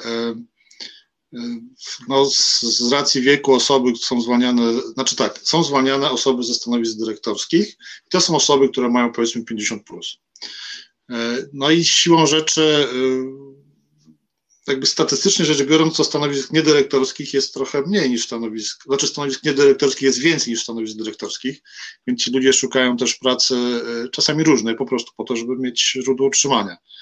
E, jak ty jako rekruter, e, nie wiem, czy miałeś okazję mieć taki, takie kandydatury, ale jak, jak, jak nie chcę powiedzieć, jak jako rekruter to odbierasz, ale jak powinno się przygotować do takiej rozmowy z rekruterem w takiej sytuacji i do no, CV? Na, na pewno powinno się przygotować po pierwsze zgodnie z prawdą, może niekoniecznie mówić na rozmowie, że jakby jestem tu, bo chcę mieć pracę po prostu i myślę o waszej firmie tylko przez chwilę, bo to raczej nas dyskwalifikuje. I też jakby ja wiem, że to łatwo jest powiedzieć. Ja ogólnie nie polecam wysyłać CV na tak zwaną zapchaj dziurę. E, wiem, że sytuacje są różne i czasami no, po prostu musimy zarabiać, musimy mieć za, za co żyć i wtedy rzeczywiście może ta selekcja ofert, na które CV wysyłamy, jest nieco um, no, więcej, tak? Jesteśmy w stanie mhm. e, tych CV wysłać i zaakceptować może niekoniecznie idealnych dla nas ofert, żeby tylko tą pracę mieć, więc jakby też, też to rozumiem. E, ja niedawno miałam taką sytuację w organizacji, że na stanowisko zgłosiły się dwie osoby, jakby wedle CV e, no absolutnie z kwalifikacjami przewyższającymi to stanowisko, e, ale jakby całe CV pokazywało, że jest ten background, jest ta wiedza, jest to doświadczenie z obszaru, na którym nam zależało i skończyło się tak, że po prostu um, ja zadzwoniłam do tych osób króciutko, zapytać ich wprost czy są świadome, że wysłały CV na stanowisko jakby e, o poziomie niższym niż te, które piastują jakby aktualnie e, i, i, i z prośbą o jakby dwa słowa komentarza bo to też e, chodzi o to, żeby nie marnować czasu ani rekrutera, ani kandydata, mhm. Bo być może kandydat wtedy powie, że o, a mi się wydawało, że to stanowisko się tak nazywa i to jest takie samo, jak ja mam teraz, to jak jest niższe, to ja nie jestem zainteresowany. I tak też może być, a możemy się dowiedzieć, że tak, w pełni świadomie e, ja wysyłałem to CV i no właśnie, chcę, myślę o zmianie na stanowiska, bo może tak jak powiedziała Agnieszka, nie chcę już zarządzać na przykład zespołem, albo właśnie brakuje mi pracy operacyjnej, tak, tęsknię za tym i, i chcę do tego wrócić. No bardzo różne są E, są sytuacje. Okej, okay, Mateusz, mam wrażenie, że chciałeś coś dopowiedzieć. E, nie, chciałem się zgodzić przede wszystkim z Agnieszką. Okay. E, tutaj jej, e, jej wypowiedź najbardziej do mnie trafiła i w ten sposób najprawdopodobniej próbowałbym e, pomagać e, osobie, która szukałaby pomocy. Słuchajcie, dostałem pytanie o wasz warsztat, o tajemnicę waszego warsztatu. Uwaga, wyświetlę je. Czy wy wyszukujecie, sprawdzacie kandydatów w mediach społecznościowych? Bardzo osobiste pytanie zadaje Mateusz. Hmm. E, prawdę. Powiem tak. E, to, mm, czy mówiąc prawdę, jest to z tego co wiem nie do końca legalne, żeby prześwietlać e, na portalach społecznościowych kandydatów, e, jednak taka praktyka jest stosowana. A to chyba tyle. Dobrze. Magda? To zależy jeszcze, co mówimy przez media społecznościowe. Na Facebooku raczej nie. LinkedIn jak najbardziej, dlatego że sam LinkedIn stanowi bardzo często w ogóle narzędzie do direct searchu, czyli w ogóle jest źródłem, przez które no jakby pozyskujemy CV, tak? Czyli docieramy do tych osób, które gdzieś tam nas interesują, ale tego CV nie wysłały, więc my postanawiamy dotrzeć do nich. E, chociaż pamiętam czasy, tylko to już ładnych, ładnych parę lat temu, e, gdzie rzeczywiście na naszej klasie zdarzało się, e, że tak, że sprawdzało się, co tam, co tam ludzie powrzucali, no ale to, to mówię, to było jakieś 10, 10 lat temu. Mieszka? E, myślę, że bardzo często rekruterzy wyszukują kandydatów na LinkedInie. To jest, tak jak tutaj powiedziała Magda, sposób na dotarcie do ludzi, którzy nie aplikowali, a często, no teraz sytuacja się pewnie trochę zmieni, natomiast jeszcze kilka miesięcy temu naprawdę w rekrutacji było trudno znaleźć idealnego kandydata i to była e, czasem jedyna droga dotarcia do tych osób, na których nam zależało. Natomiast tutaj ta druga część, Mateusz poruszył temat Facebooka. Mm, znam rekruterów e, i też no, znam rekruterów. Mój kolega rekruter, e, moi, znajomi rekruterzy sprawdzają na Facebooku swoich kandydatów. E, sprawdzają też dlatego, że różne rzeczy znajdują tam i czasem lepiej wiedzieć wcześniej. Znam taką historię, gdzie ktoś sprawdzał swojego kandydata i okazało się, że ten kandydat ma bardzo mm, bardzo trudne poglądy dotyczące mm, różnych wyznań, kolorów skóry, już tak mówiąc dosyć ogólnie, i ten kandydat stracił swoją szansę w tym procesie rekrutacji. Niestety treści, y, które przepełniała nienawiść na, na, jego otwartym Facebooku sprawiły, że to był koniec dla niego procesu rekrutacji, chociaż był kandydatem wybranym w tej rekrutacji już ostatecznie do, mm, do zatrudnienia, natomiast ostatnia weryfikacja tą szansę mu zabrała, więc myślę sobie, że jeżeli ktoś e, ma otwartego Facebooka, to zawsze, jeżeli bierze udział czynny w rekrutacjach, to zawsze warto jest zobaczyć, co nim wiadomo, co, co pokazuje światu, Mm, jeżeli ma wątpliwości, czy to się może komuś spodobać, czy nie, to po prostu trzeba tego Facebooka zablokować dla, dla świata zewnętrznego. Mhm.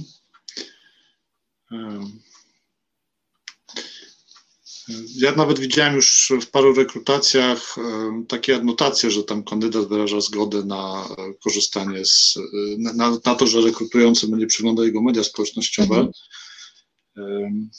Okej. Okay. E, tak się zastanawiam, czy teraz wybrać pytanie z e, kartki, czy pytanie z, e, czy ze świeżych pytań. Jest tutaj takie pytanie, które tak naprawdę mówi o pewnej zmianie kierunku zawodowego. Katarina napisała, że studiowała, pracowała na jednym kierunku, a potem przebranżowiła się, zaczęła nowe studia, rozumiem, że na innym i szuka pracy w nowym kierunku. Czy warto wpisać dotychczasowe doświadczenia? Agnieszka? Zawsze warto, bo jak ich nie wpiszę, to będzie bardzo duża dziura, która spowoduje wątpliwości rekrutera. Zawsze, zawsze warto też dlatego, że z tych doświadczeń prawdopodobnie jakaś część może być e, dla rekrutera ciekawa. Najważniejsze jest wzięcie do ręki tej oferty, na którą e, się, e, o którą się staramy i sprawdzenie, czy są tam zakresy obowiązków, które były zgodne z naszymi, czy są tam oczekiwania, wymagania rekrutera, które są zgodne z naszymi dotychczasowymi. To tak jak wcześniej mówiłam, chociażby ta obsługa klienta. Klient może być zupełnie inny inny, to może być inna branża, ale ciągle jest to obsługa klienta, jest to praca z klientem. Jest to na przykład znajomość konkretnych programów, które też mogą być spójne, więc jak najbardziej doświadczenie tak, ale rozpisane zakres obowiązków pod kątem konkretnego nowego stanowiska. Mateusz, jaka jest Twoja opinia? Jak najbardziej wpisywać, e, ale tutaj skupiłbym się na wyciągnięciu najważniejszych kompetencji, które są spójne z aktualną ofertą pracy, na którą aplikujemy. Mhm. Magda? Dokładnie tak samo. To, co mogę dodać, żeby się nie powtarzać, to to, że jeżeli sobie robimy podsumowanie albo wpisujemy takie krótką, krótką notatkę na początku CV, co, co coraz częściej się pojawia, no to wtedy dwa zdania na ten temat, że, że tak, że się przebranżawiam i na przykład dlaczego, albo dlaczego mi zależy, a, potem reszta CV właśnie skonstruowana pod już to nowe stanowisko bo wtedy też damy rekruterowi od razu odpowiedź, z czego to wynika, tak? Albo że ja to robię świadomie i rekruter nie pomyśli, że się pomyliłam, wysyłając, e, bo na przykład nie, nie doczyta, że, bo dam na przykład najpierw doświadczenie, potem dam wykształcenie i on już nie doczyta, że ja teraz zmieniłam kierunek studiów i idę w tą stronę, której dotyczy oferta. Okej. Okay. E, pojawiło się jeszcze takie techniczne pytanie, to myślę, że odpowiedź będzie krótka i Agnieszka ją udzieli. Czy w CV podałaś nazwę stanowiska? Rozumiem, że to, tą, którą mieliśmy zapisaną, e, która była w umowie, czy też nazwę dodatkową, którą mamy w stopce na przykład mailowej? No to jest trudne pytanie, dlatego że nazwa stanowiska powinna być zapisana z umowy, natomiast czasem nazwy stanowisk w umowach są bardzo mało ciekawe, mało atrakcyjne i firma hmm. dopuszcza y, domyślanie trochę takiej nazwy, którą używamy. Więc jeżeli ta, której używamy, bardziej odpowiada naszym zakresom obowiązków, jest bardziej, nazwijmy to, marketingowa, to jak najbardziej to może być ta nazwa. Rekruter nie będzie sprawdzał na pewno nazwy naszego stanowiska z naszymi zapisami w umowie z wcześniejszym pracodawcą. Więc tutaj, jeżeli chodzi o kwestię weryfikacji za bardzo takiej możliwości nie ma. Natomiast e, tak, no myślę, że, że to chyba wyczerpuje tą odpowiedź. Czy, czy jest jakieś zdanie odmienne? No dobra, to Magda, Magda, dostaniesz inne pytanie. E, co do tego, że powinniśmy e, CV różnicować e, w zależności od tego, na jakie stanowisko aplikujemy, czy nawet czasami do jakiej firmy aplikujemy, jakie umiejętności są tam poszukiwane w ramach oferty pracy, to chyba tutaj nikt nie ma wątpliwości, że tak trzeba zrobić. Natomiast pojawiło się pytanie, na co zwrócić uwagę przy, przy dostosowywaniu CV pod konkretną ofertę pracy? Magda? No właśnie chyba na to, co powiedziałeś, czyli na oczekiwania, na zakres obowiązków. Nie wiem, czy tutaj mogę powiedzieć coś, coś więcej, no skoro dostosowujemy, tylko też ja bym nie polecała może takiego kopiowania jeden do jednego, czyli jeżeli w ofercie e, mamy wypisane na przykład oczekiwania czy, czy umiejętności, to robienia kopii, kopii wklej do naszego CV, bo no rekruter pewnie to wychwyci. Raczej bym to um, ubrała w trochę inne słowa e, albo w jakieś, nie wiem, zdanie, które pokazuje, że tą umiejętność mamy, czy, czy przemyciła gdzieś w obowiązkach, niż na zasadzie kopiuj wklej z oferty i, i uważała, ok, to dostosowywa, dostosowałam CV, bo mam 10 CV i w każdym mam wklejoną część z oferty, gdzie były e, oczekiwania i wkleiłam, że, że ja takowe spełniam. No to, to, to tego bym dostosowaniem raczej nie, nie nazwała. Okej. Okay. No to już Agnieszka, chcecie coś uzupełnić? Ja jeszcze dodam to, o czym wcześniej Wam mówiłam, czyli tym odniesieniu się do wymagań z danej oferty. Ja jestem wielką fanką tego, więc będę to za każdym razem, gdzie się da przemycać. Jeżeli mamy, e, jeżeli w ogóle mówimy o dostosowaniu CV do oferty pracy, to naprawdę weźmy sobie te wymagania z oferty pracy i odnieśmy się do nich, żeby rekruter zobaczył, że jesteśmy idealnym kandydatem.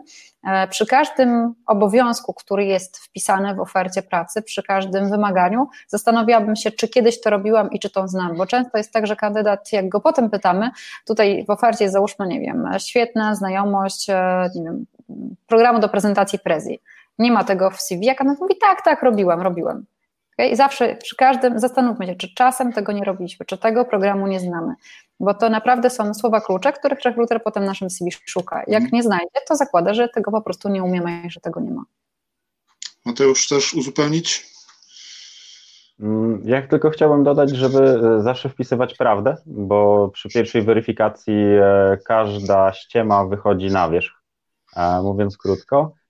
Ale też warto uważnie czytać oferty pracy, bo słyszałem, ja, ja się z tym nie spotkałem, ale słyszałem o ofercie pracy, gdzie na programistę oferta mówiła o 15, minimum 10 czy 15-letnie doświadczenie w danym języku, gdzie to była podpucha, bo ten język istniał od 6 czy 7 lat.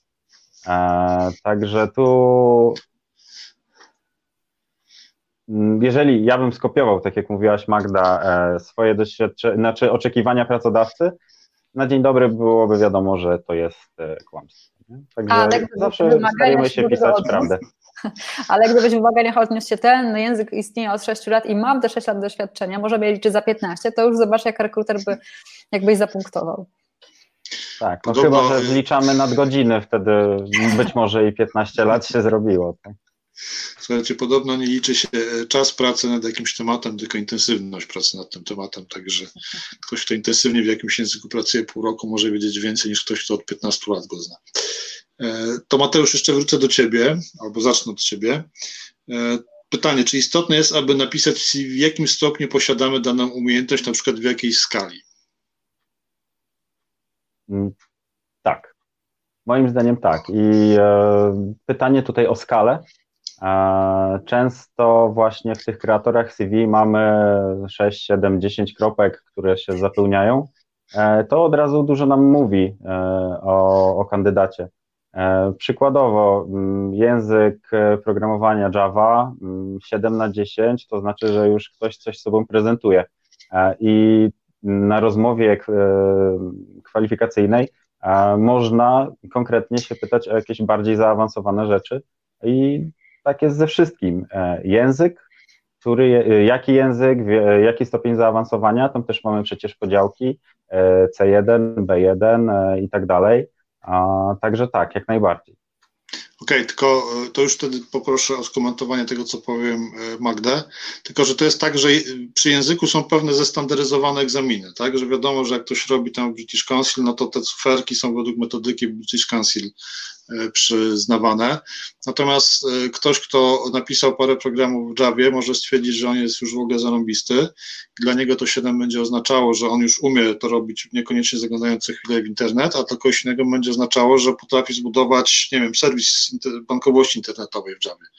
Więc czy, jak, jak w ogóle się do takich cyferek podejść, bo ja bym się bał w ogóle pisać taką skalę jakichkolwiek swoich umiejętności, bo zawsze może się okazać, że jest ktoś o tyle lepszy ode mnie, że ja gdzieś tą skalą zjeżdżam z tej siódemki w okolicy jedynki.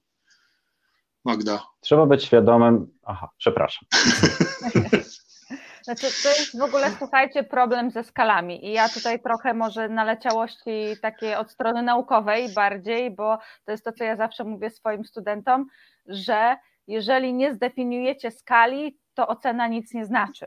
E, I to jest trochę tak, jak właśnie e, z tym, że ja podaję jaką, jakąś wartość kropek na ileś, ale to nie ma żadnej definicji i odniesienia. E, więc tak jak Jarek powiedziałeś, jeżeli to są gdzieś tam skale, no właśnie wystandaryzowane, takie ogólno obowiązujące, to tak, jak najbardziej. I wtedy podajemy, no bo wszyscy, albo przynajmniej większość z nas rozumie, co się pod daną oceną, czym się różni na przykład B1 od C1. E, natomiast przy innych e, raczej bym operowała, no właśnie, na przykład ilością czy rodzajem zrealizowanych projektów, albo jeśli już, to zminimalizowałabym skalę na przykład e, do podstawowy, średnio zaawansowany i zaawansowany. I tak na przykład często przy Excelu się robi, tak? Czyli no, można powiedzieć, że wtedy przy podziale na trzy jest to trochę łatwiej rozdzielić, no bo podstawowe, no to rozumiem, że potrafi wpisywać, tam nie wiem, przeciągać komórki i tak dalej. Średnio zaawansowany napisze już jakąś funkcję, e, a, a zaawansowany, no to nie wiem, tabele przestawne na przykład i nie wiem, podwójnego ifa. E, bo gdybym, i myślę, że łatwiej byłoby mi wtedy jakoś wyobrazić sobie poziom tych umiejętności na takiej skali właśnie podstawowy, średnio zaawansowany i zaawansowany, niż na przykład od 1 do 10. Jakbym miała trzech kandydatów czy pięciu i miałabym piątkę, szóstkę i siódemkę, to byłoby mi ciężko w ogóle ocenić, czy oni mają ten sam poziom umiejętności, czy jednak czymś się różnią. E, no nie, nie jest to absolutnie do, do wychwycenia na poziomie CV. Mieszka? Ja jestem w stanie sobie wyobrazić sytuację, kiedy kandydat, który ocenia swoją znajomość e, na 5 na 10, ma poziom wyższy niż ten, który ocenił się na 9 na 10 i to jest największy problem skali, że nigdy nie wiemy, co ktoś rozumie przez e, określoną gwiazdkę, kropkę czy, czy inny wybór, który, bo tam często też jest bardzo taka ciekawa forma graficzna, która jest zaznaczona, są paski, Natomiast dla mnie to jest taka sztuka dla sztuki, bo, bo nie idzie za tym kompletnie nic. My na przykład w tym naszym kreatorze rozwiązujemy to tak, że skala językowa ma od razu opis, czyli jeżeli wybierasz e, B1, to do tego masz opis, co ja umiem zrobić w tym języku. Dla rekrutera, bo język jest też bardzo problematyczny, często mamy kandydata ulubiony za komunikatywny. Komunikatywne znaczy wszystko. To znaczy I am, to znaczy płynne wystąpienia po angielsku, e, które trwają godzinę i to wszystko to jest komunikatywny angielski. Więc ja jestem zwolenniczką tego, żeby opisywać coś tak, jak się da, e, w sposób, jak to mogę wykorzystać. Jeżeli znam, no właśnie, Java, to czy ja jestem w stanie napisać prosty projekt, czy ja jestem w stanie zrobić z tego serwis bankowości elektronicznej? Jeżeli mam angielski, to czy jestem w stanie przeczytać prostą instrukcję, jak dojść na peron, czy jestem w stanie na przykład e, poprowadzić godzinną prezentację? Więc raczej w tą stronę niż, niż w stronę takiego obrazowania kropkowego. Mateusz, chciałbyś chyba coś uzupełnić, takie mam wrażenie. Nie. Nie? Bo tak jak Magda mówiła, to tak się trochę sprężyłeś. Chciałem zadać Wam jakieś pytanie, które mi uciekło, więc skorzystam z podpowiedzi, które dostaję tutaj e, na komentarzach. I pytanie od Wojtka e, co poza, bo cały czas mówimy o pewnych umiejętnościach, a co poza takimi twardymi umiejętnościami najbardziej przyciąga rekruterów? Magda. E, czy czynnik ludzki? Fajność kandydata, po czym jest rozpoznawana? E, słuchajcie, no na przykład zdjęcie i może to, co po, e, to, to, najbardziej, tak, no bo jeżeli widzimy, że ktoś na tym zdjęciu wygląda sympatycznie, uśmiecha się, e, naprawdę są rekruterzy i ja znam takich rekruterów, którzy naprawdę na podstawie zdjęcia potrafią bardzo wiele wyciągnąć, jak właśnie chociażby no taką fajność, sympatyczność i energię, która za tym człowiekiem idzie i potem na przykład wracają ze spotkania i mówią, już było widać, tak, po zdjęciu, że to będzie właśnie taka energiczna na przykład osoba. Natomiast co jeszcze przyciąga? Kurczę, nie ma chyba takiego złotego środka, bo znowu ile, ilu rekruterów, tyle, e, tyle jakby sympatii i antypatii, tego co lubią, a czego nie, więc ja chętnie tu oddam komuś głos na poczet kolejnego pytania od Izabeli. To ja wtedy sobie rezerwuję czas. To ja Agnieszka? Myślę sobie, że kilka rzeczy, które mogą sprawić, że kandydat zostanie oceniony jako fajny. Zaczęłabym od maila. Wcale nie takie sztampowe pisanie na zasadzie, no też trzeba zobaczyć, jaka jest organizacja. Czy organizacja jest otwarta, czy organizacja jest bardzo sztywna i, i właśnie taka sztampowa. Jeżeli jest otwarta, jeżeli pracują tam ludzie, którzy. I organizacja też takie informacje kolportuje, że to są osoby, które cenią bezpośredni kontakt, poczucie humoru, to też pisanie takiego maila, szanowni Państwo, w załączniku przesyłam moją aplikację i taki ten typ e, pisania na pewno nie sprawi, że ktoś pomyśli, o fajny kandydat, chciałbym zobaczyć jak, jakie ma CV. Więc tym mailem mi się zdarzyło naprawdę nieraz, że przeczytałam maila kandydata i nie miało dla mnie znaczenia, jak wygląda jego CV. Bo zatrudniłam tak kilka osób, wiedząc, że w tym CV na pewno będzie coś, co mnie będzie ciekawiło, a jeśli nie, to ja i tak chcę zobaczyć tego człowieka, więc e, można wiele wygrać dobrym mailem. Kolejny element, o którym mówiła Magda, to jest e, zdjęcie. Zdjęcie może budzić emocje i to może się dziać podświadomie. Ja nie jestem fanką wybierania po zdjęciach, bo wiem, że można się na tym bardzo e, przejechać. Zdarzyło mi się wybierać nieraz kandydatów, których nie rozpoznawałam z ich zdjęć. To były naprawdę świetne zdjęcia, ale kandydat na przykład mówił, że to było jego najlepsze zdjęcie sprzed 20 lat. Nie dało się już potem rozpoznać, no bo to jest jednak za duży okres czasu, który, e, który minął, więc e, zdjęcie jest e, problematyczne, natomiast jeżeli wyglądamy na zdjęciu nieprzyjemnie, mm, to trzeba liczyć się z tym, że część rekruterów może odrzucić nasze CV po zdjęciu. Ja lubię CV pisane w pierwszej osobie. Nie lubię bardzo wszystkich zabiegów, gdzie piszemy w trzeciej osobie o sobie bo wtedy się zastanawiam, a kto pisał to CV, jeżeli brzmi ono robił, e, nie wiem, robił raporty, no kto robił. Więc ja lubię, jeżeli zakres obowiązków jest napisany w taki sposób bardzo przemyślany, jeżeli są tam fakty. Nie zawsze fakty, statystyki, liczby. Jeżeli ktoś fajnie to opisuje, to są rzeczy, które no, znowu wzbudzają moją sympatię jeżeli widzę, że na przykład zdobyłem dla firmy 53 klientów i, i 90% z tych klientów wróciło po kolejne produkty, to ja sobie myślę, o, tak, to jest jakaś informacja. Więc jeżeli ktoś już nie marnuje na początku mojego czasu i, i pisze o faktach i procentach, to zawsze mnie to bardziej przekonuje. Natomiast to właśnie ten mail jest czymś, na czym warto się skupić, żeby pokazać swoją fajność. Mateusz? Ja tutaj troszeczkę przewrotnie. E, ja jestem fanem CV bez zdjęcia a dlaczego? Bo właśnie nie, nie dajemy rekrutorowi szansy na to, żeby oceniał nas po wyglądzie, obojętnie jaki on nie jest. E, nigdy nie wiemy, kto będzie nas rekrutował, czy kobieta, czy mężczyzna, e, jakie ma podejście do blondynek, e, szatynek, rudych, czarnych i tak dalej. Także ja jestem fanem i tak też doradzam, żeby CV nie miały zdjęcia, na co dalej zwrócić uwagę? To, o czym wcześniej wspominaliśmy. E, prostota, schludność, brak błędów ortograficznych. E, no i też w zależności od tego, mm, do, gdzie składamy to CV, tak jak wspomniała Agnieszka, ten mail witający rekrutera też jest istotny. Super, dzięki. Pytanie Izy, którym już, na które Magda się zaczęła to zostawiam w takim razie Ciebie pierwszą. Czy zawsze musimy spełniać 100% wymagań z oferty, czy jeżeli mamy jedno, a może dwa wymagania, którego nie spełniamy, warto, to, e, warto też kandydować na takie stanowisko? Tak, słuchajcie, to jest w obie strony, bo ja też moich menadżerów bardzo często tutaj um, uczulam na to, że no jest taka tendencja, żeby w ofercie zawierać opis kandydata idealnego, wymarzonego, wyśnionego i bardzo często nierealnego. E, I o ile no ja bardzo często challenge'uję menadżerów, tak po korporacyjnemu się wyrażę, że słuchaj, czy rzeczywiście ten kandydat, którego ty szukasz, on musi mieć to wszystko, może zrezygnujemy z części tych wymagań, no bo nie znajdziemy nikogo takiego.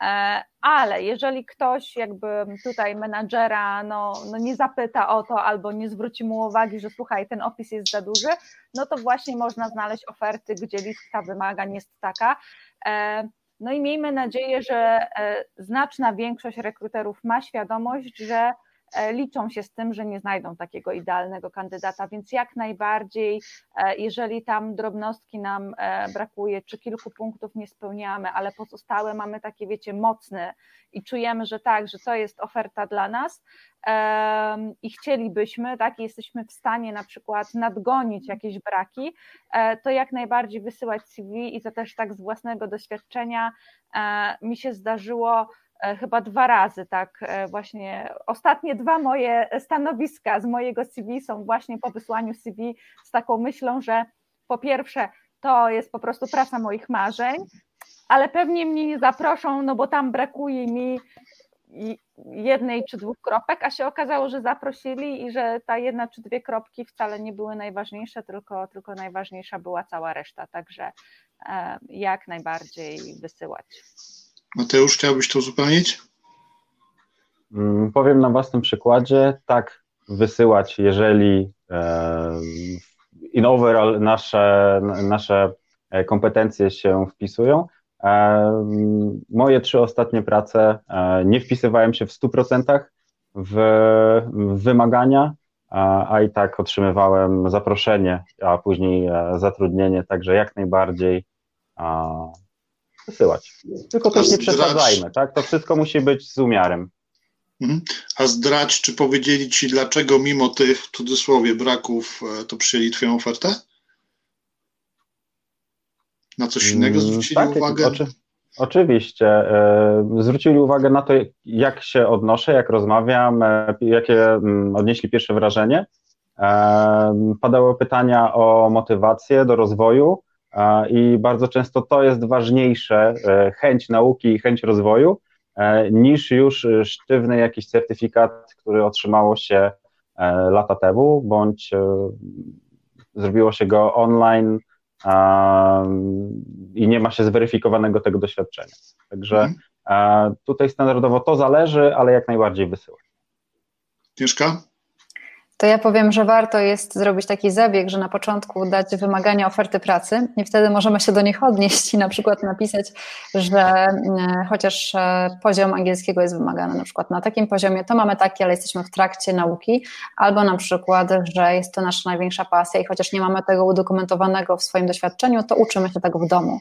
To jest właśnie to miejsce, w którym możemy pokazać rekruterowi, dlaczego warto nas zaprosić. Więc zachęcam gorąco do odnoszenia się do wymagań oferty pracy.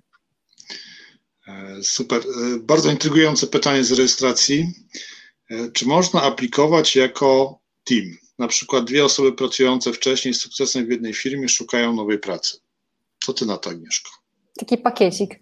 Wiesz, to no. miałam taką rekrutację jakiś czas temu, gdzie pracodawca chciał pakiecik i powiedział, że najchętniej chciałby właśnie dwie osoby, które się znają, pracowały ze sobą już wcześniej i, i chcą ze sobą pracować, bo to była praca, która w dużej części była właśnie wykonywana tylko w dwie osoby, więc chciał mieć sprawdzony zespół, a nie taki, który zaraz się e, e, będzie docierał i to docieranie będzie bolesne dla organizacji.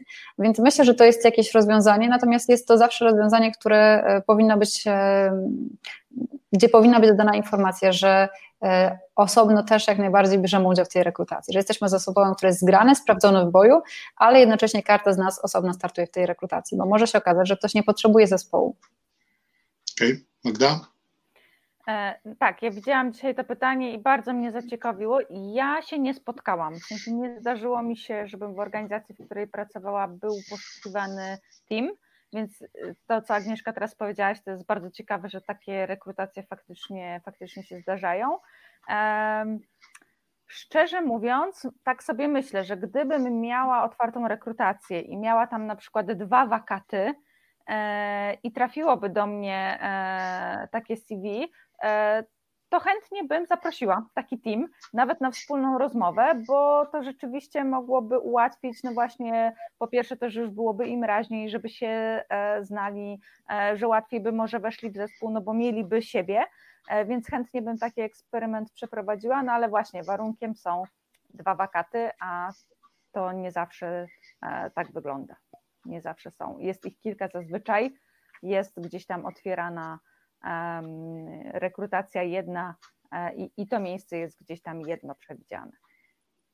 Mateusz? Mm, to jest bardzo ciekawe pytanie. Mm, dla przykładu, do korporacji e, sprawdzian też przyjaźni e, danej, mm, danego, danego teamu, mógłby to być, e, ponieważ jedna osoba mogłaby się dostać, druga nie.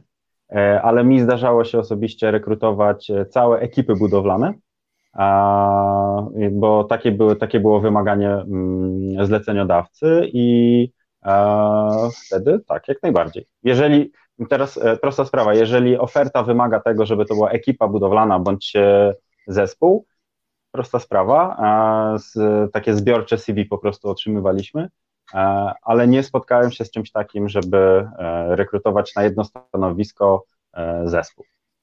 Ale na pewno byłoby to do rozważenia, na pewno przykułoby to uwagę e, rekrutera, a przynajmniej mnie. Super, dzięki. Słuchajcie, pojawiły się i przy rejestracji też tutaj w komentarzach pytania związane z podejściem do rekrutacji w obecnych trochę innych od tego, co mieliśmy, z czym mieliśmy do czynienia kwartał temu czasach. Jedno z pytań jest takie, jak zmieni się proces rekrutacji e, na rynku krajowym zagranicznym w trakcie i po pandemii, z punktu widzenia kandydata i pracodawcy. Czy Mateusz, ty masz już jakieś wyobrażenie albo jakieś może, nie wiem, e, wiedzę na ten temat? Pozwól, że sobie przeanalizuję to pytanie.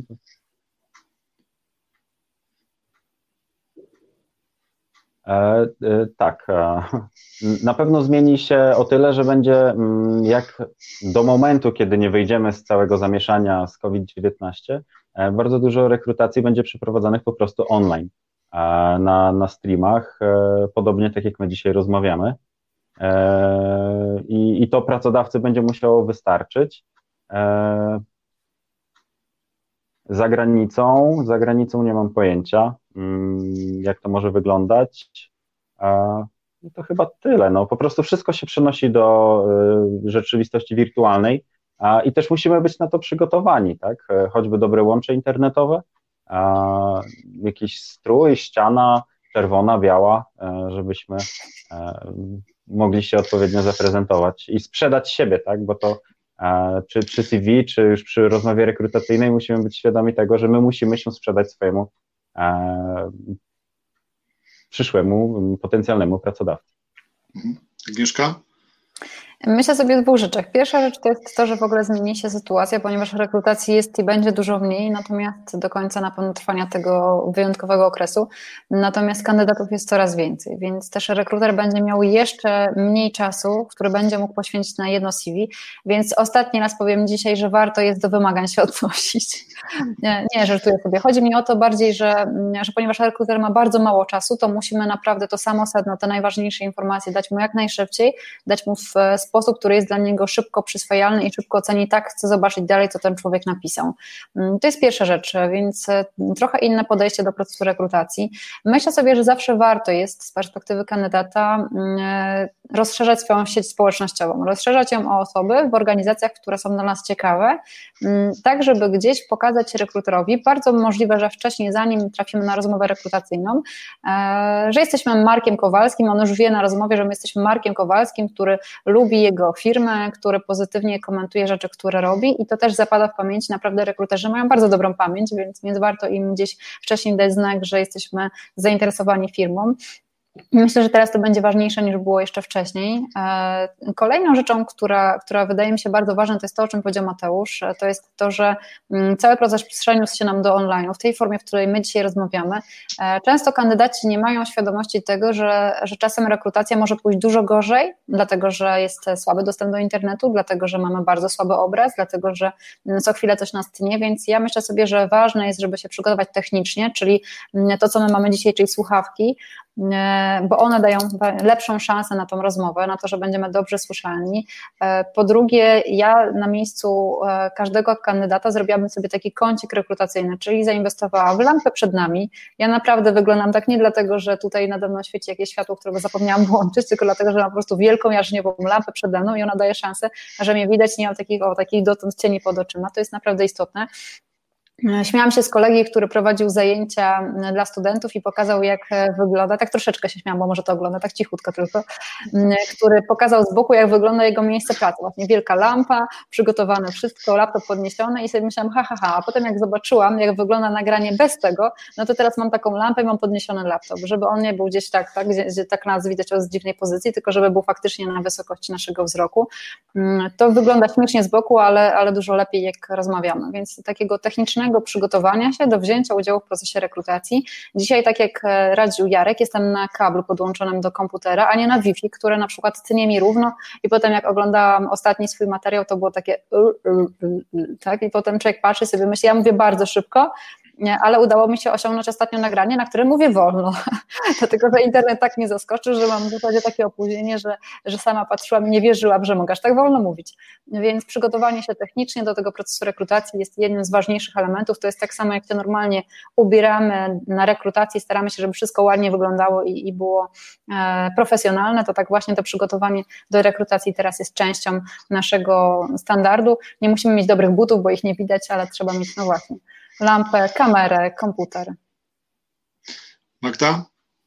E, to ja może tak dwa słówka do tego, co Mateusz powiedział, że przenosimy się na online i myślę, że to też może wpłynąć na rynek trochę tak, że e, no pewnie, poza tym, że same procesy będą zdalne, to tak przeczuwam, że e, duża część z nas też na tej pracy zdalnej zostanie albo będzie chciała zostać, a pracodawców wielu przekona się, że da się, że to nie jest tak, że pracownicy, którzy pracują zdalnie, to nic nie robią i cały dzień śpią, tylko rzeczywiście pracują i ta efektywność jest, a nawet e, często jest dużo wyższa niż była w biurze, więc myślę, że procentowy udział pracy zdalnej e, może nam się tutaj mocno, mocno zmienić, w związku z czym też granice myślę, że mogą się bardziej zatrzeć, bo jeżeli będzie znajomość języka, no to to wystarczy, tak? I będziemy mogli pracować zdalnie e, w różnych miejscach, gdzieś tam na, na całym świecie i, e, i ten dostęp tak, do ofert będzie trochę łatwiejszy, bo nie będzie się to wiązało z przenoszeniem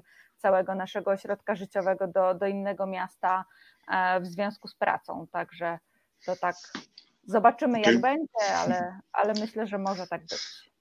Słuchajcie, znowu jest pytanie o warsztat rekrutera, czyli znowu musicie jakieś tajemnice zawodowe zdradzić.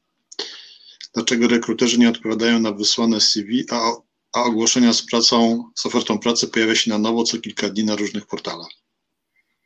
Agnieszka? Mogę zdradzić, to znaczy, że rekrutera nie przekonały żadne aplikacje, które do niego spłynęły. Okej. Okay. A najgorszą rzecz, jaką często robimy, e, to jest wysyłanie CV jakiegokolwiek. Czyli mamy jakieś tam pod ręką sprzed 10 lat, to ja ślę szybko, bo jest oferta, szybko muszę wysłać. Ważne jest, żeby wysłać szybko, dlatego że czasem rekruter przejrzy tylko pierwsze 20 i zdecyduje. Taka praktyka też jest, to jest częste, więc jest warto wysłać szybko, ale wysłać dobre, ponieważ bardzo często rekruter nie otwiera drugi raz e, maila CV od tej samej osoby. Czyli jeżeli dzisiaj wysłałam beznadziejne, myślę sobie po tygodniu, kurczę, umieszczają nadal tę ofertę, czy ja muszę zrobić lepsze CV, tego CV prawdopodobnie nikt nie zobaczy. Mateusz? No przede wszystkim to jest brzydka praktyka, e, jeżeli nie odpowiada się w ogóle e, na, na CV, e, ale też muszę przyznać, ja też tak robiłem, kiedy jeszcze pracowałem w rekrutacji, także to, co powiedziała Agnieszka, przede wszystkim mm, powoduje, że nas to zniechęca do danego e, kandydata. Magda?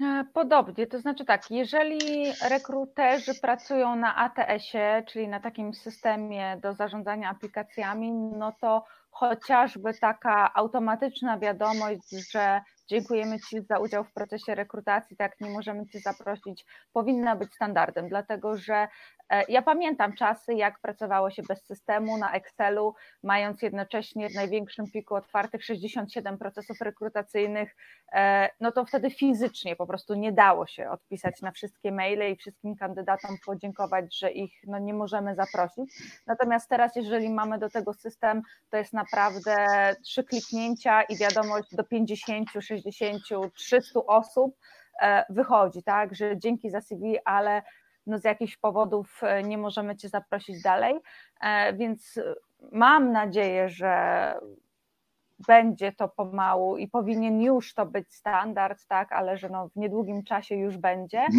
Um, natomiast dlaczego, dlaczego rekruterzy nie, nie odpowiadają? No tak, albo oferta ich nie, na, nasze CV ich nie przekonało, albo spływ no właśnie jest bardzo, bardzo, bardzo duży i gdzieś tam fizycznie nie do obrobienia, no wszystko zależy gdzieś tam e, od tych dostępnych narzędzi.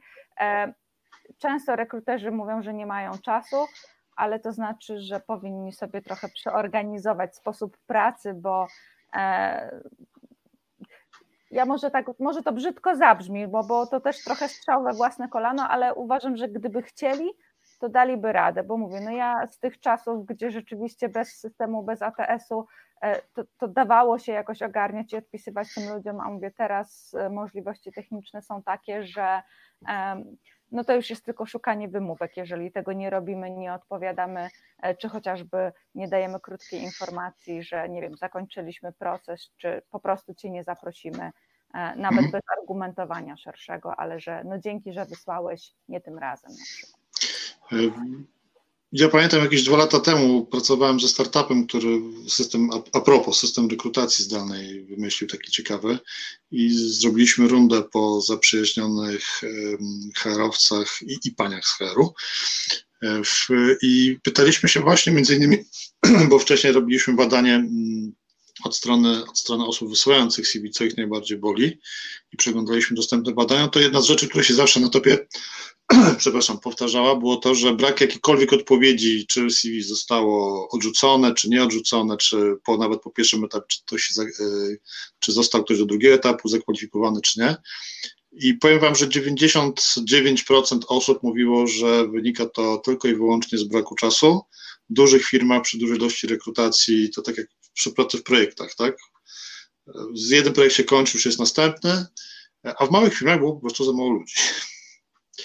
Ja myślę, że to, mhm. jeszcze tak się wtrącę, myślę sobie, że to zawsze jest kwestia priorytetów. Jeżeli rekrutera priorytetem jest to, żeby zachować e, pewną jakość i markę i żeby pokazać kandydatom, że są dla niego ważni, bo jeżeli być może nie przy tym projekcie, może przy jakimś innym uda się zawsze z kandydatem połączyć, ale przede wszystkim, żeby pokazać markę, to myślę, że zawsze warto jest, no właśnie, ustawić priorytety. Może ważniejszym priorytetem jest to, żeby odpisać każdemu kandydatowi dziękuję Ci, że wysłałeś do nas maila. To można też zrobić z automatu, albo potem odpisać zamknęliśmy proces rekrutacji, Twoja aplikacja, można stworzyć też jakiś szablon. To naprawdę mhm. nie wymaga tyle czasu, ale żeby każdy miał takie poczucie, mam czasem kandydatów, którzy czekają każdego dnia i oni każdego dnia się zastanawiają, czy to jeszcze trwa ta rekrutacja, czy oni jeszcze mają szansę. Naprawdę nie ma sensu zostawiać ludzi w takim poczuciu niepewności, bo to jest najgorsze, co w trakcie szukania bezrobocia może ich spotkać. Czyli to poczucie, że nie wiadomo w zasadzie, co będzie dalej. Tak, tak. To ja się z tym absolutnie zgadzam. To też kandydaci wskazywali jako rzecz, która najbardziej zniechęcała ich do dalszego kontynuowania współpracy z tą e, firmą. Czy brak jakiejkolwiek informacji. A to też, co mi, co mnie koleżanki z HR-u, pozdrawiam tutaj jedną z nich, z którymi miałem przyjemność pracować w jednej firmie, e, zawsze powtarzały, że nawet jak się mówi, że panu dziękujemy, to warto zostawić po sobie dobre wrażenie. E, słuchajcie, zbliżamy się do końca. Minęło 90 minut naszego spotkania. Wydawało, nie wiem, mi się wydaje, że bardzo krótko tutaj siedzimy, ale zegarek pokazuje prawdę. E, czy na koniec moglibyście opowiedzieć jakąś y, pouczającą, aczkolwiek zabawną historię z Waszego doświadczenia rekrutacyjnego i taką, która nie spowoduje za chwilę jakichś tutaj konsekwencji prawnych? Kto chce pierwszy?